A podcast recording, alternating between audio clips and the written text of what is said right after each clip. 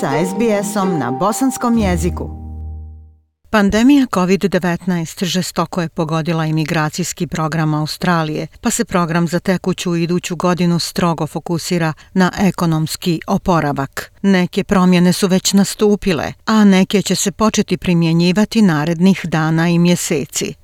Tako će nosioci privremenih viza koji su zaposleni u turizmu i poljoprivredi moći produžiti svoj boravak u Australiji, dok će inostrani studenti koji rade u sektorima skrbi za invalidne i stare osobe, zdravstvu, poljoprivredi, turizmu i ugostiteljstvu moći raditi više sati nego što im se to ranije dozvoljavalo. Registrovani agent za migracije i vlasnica agencije Down Under, Julie Williams, kaže da iako vlada održava plan useljeništva na 160.000 od prošle godine, kvota distribucije među različitim kategorijama viza je drugačija. 50% of the program is going to be dedicated to skilled visas and giving priority to um, highly skilled migrant business innovation and investor program. And Sada će 50% stalnih viza za Australiju biti dodjeljivano kvalifikovanim radnicima, a prioritet će se davati prije svega onima koji su visoko kvalifikovani u poslovnim, investicijskim i inovatorskim programima i onima koji su aplicirali za Global Talent program. Promjene koje su stupile na snagu 1. jula omogućit će brži put do sticanja stalnog boravka za one koji žele da investiraju u Australiji, kao i potencijalni povrat uloženih sredstava. U 2020. i 2021. godini broj stalnih viza u oblasti poslovnih investicija i inovacija skoro se udvostručio do 13.500 viza, dok se broj nezavisnih talent viza utrostručio i porastao do 15.000. Kako god, ove brojke se mogu ove godine i mijenjati, obzirom da će se prednost davati vizama sponzorisanim od strane poslodavaca kako bi se izašlo u susret australskim biznisima u potražnji za kvalifikovanim radnicima. Kao rezultat bit će ubrzan proces aplikacija za stalne vize za 22 zanimanja, uključujući kuhare, računovođe, inženjere, računarske programere koji su dodani prioritetnoj listi traženih zanimanja koja je kreirana još u septembru 2020. godine.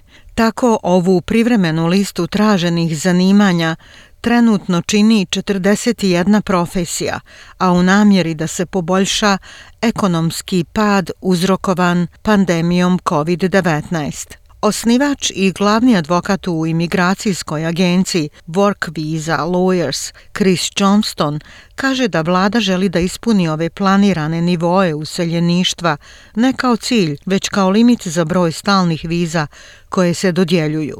In terms of the uh, 189 visa, the planning level is 6500 visas U tom smislu za vizu 189 planirano je za prošlu godinu da bude odobreno 6.500 aplikacija, ali je 21. aprila 2021. godine dodijeljeno svega 1690 poziva, a to znači da bi se trebalo izdati još mnogo viza, a nema se puno vremena. Dakle, kvota se ne ispunjava po svaku cijenu. Moguće je da se program završi i sa prepolovljenim brojem izdatih viza. Savezna vlada je najavila nove poljoprivredne vize da bi se izborila s nedostatkom radne snage na farmama. Savezna vlada također je najavila promjene i za takozvane working holiday vize, čiji nosioci rade u turizmu i u gostiteljstvu u sjevernoj teritoriji i udaljenim područjima i koji će od marta 2022. godine moći aplicirati za obnovu vize, a da ne moraju provesti 88 radnih dana na farmi ili drugom poljoprivrednom dobru. Broj viza u porodičnoj kategoriji ostaće isti po riječima Krisa Johnstona, a on iznosi kao i prošle godine 77.300. Do promjene je došlo kod partnerskih viza, odnosno oni koji su aplicirali za ovu klasu viza izvan Australije, a u međuvremenu su došli u zemlju na turističku vizu, moći će dobiti svoje stalno boravište bez obaveze izlaska iz države. Ova promjena nastupila je zbog pandemije COVID-19, koja je uticala također i na to da se skrati vrijeme procesa obrade ovih aplikacija. Chris Johnston navodi. In the family stream, it's expected that the, the same number of uh, visas will be allocated and so that would mean that you could expect for partner visas to Kada su u pitanju porodične vize, očekuje se odobrenje istog broja viza. Partnerske vize također će biti u dobiti. Očekuje se da se odobri veći broj ovih viza, što može pomoći i da se dostigne ubrzan proces odobrenja. Međutim, Julie Williams je zabrinuta za dobijanje partnerske vize jer će od novembra ove godine stupiti na snagu novi uslov za ovu klasu viza, a najavljen je prošle godine saveznim budžetom, a on je da će i aplikant i sponsor morati polagati test iz engleskog jezika.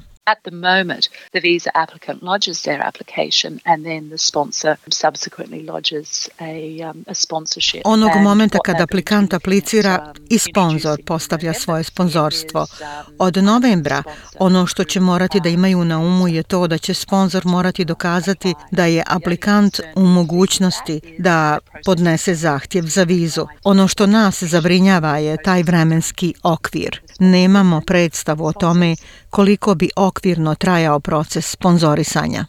Promjene su uvedene i za takozvanu pandemijsku 408 vizu, koja treba da doprinese u rješavanju nedostatka radne snage. Julie Williams kaže da su turizam i ugostiteljstvo dodani industrijama sa kritičnom potrebom za radnicima, što će biti beneficija za inostrane studente koji već borave u Australiji. Tourism and hospitality has been included on the um, COVID or the pandemic 408 uh, critical sector. So that means that um, student visa holders Tako će um, stranim studentima koji rade u turizmu ili u they biti dozvoljeno da sada rade allowed 40 sati u dvije sedmice dok god su zaposleni u ovim sektorima. Ova promjena će značiti poboljšanje mnogim biznisima koji su pogođeni posljedicama pandemije da lakše riješe problem radne snage a vlada omogućava svim nosiocima privremene radne vize koji rade u poljoprivredi da ostanu duže u zemlji. 408 holders don't have to leave at the end of their term um, if they can demonstrate that they've got ongoing agricultural work.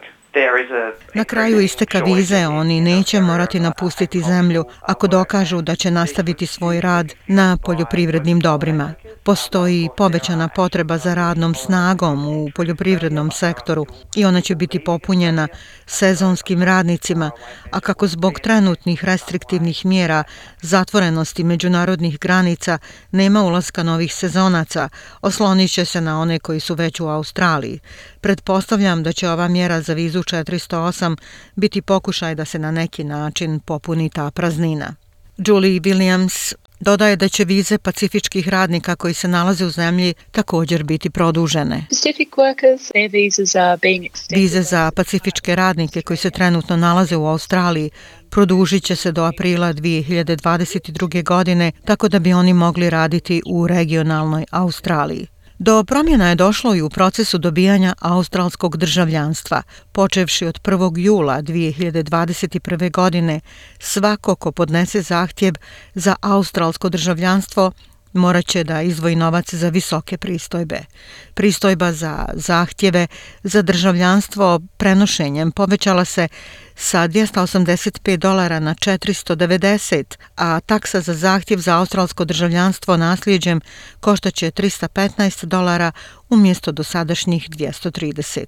Djeca ispod 15 godina koja su uključena u zahtjev roditelja za državljanstvo bit će oslobođena pristojbe, međutim, samostalno državljanstvo za dijete koštaće 300 dolara umjesto dosadašnjih 180. Ministar za migracije Alex Hawke rekao je da su ovo prva povećanja pristojbi zahtjeva za državljanstvo od 2016. godine. Međutim, prema mišljenju Krisa Johnstona, jedno od najvećih razočarenja budžeta za ovu financijsku godinu je jedna promjena koja će pogoditi sve buduće nosioce stalnih boravišnih viza, to jest one koji tu vizu dobiju od 1. januara 2022. godine. There is a change that new Australians will have to wait four years to access government welfare. Svi oni koji dobiju trajnu boravišnu vizu od 1. januara 2022. neće imati pristup državnim programima socijalne pomoći prve četiri godine i ove mjere su donesene u cilju smanjenja budžetskih troškova, ali ostaje nejasno da li će taj cilj biti postignut ako se novi useljenici dovedu u situaciju da žive teško. Ja sam Aisha Hadži Ahmetović, ostanite uz SBS radio. SBS na bosanskom. Podijelite naše priče preko Facebooka. Želite poslušati još ovakvih priča? Slušajte preko Apple podcasta, Google podcasta, Spotify ili kako god da primate svoje podcastove.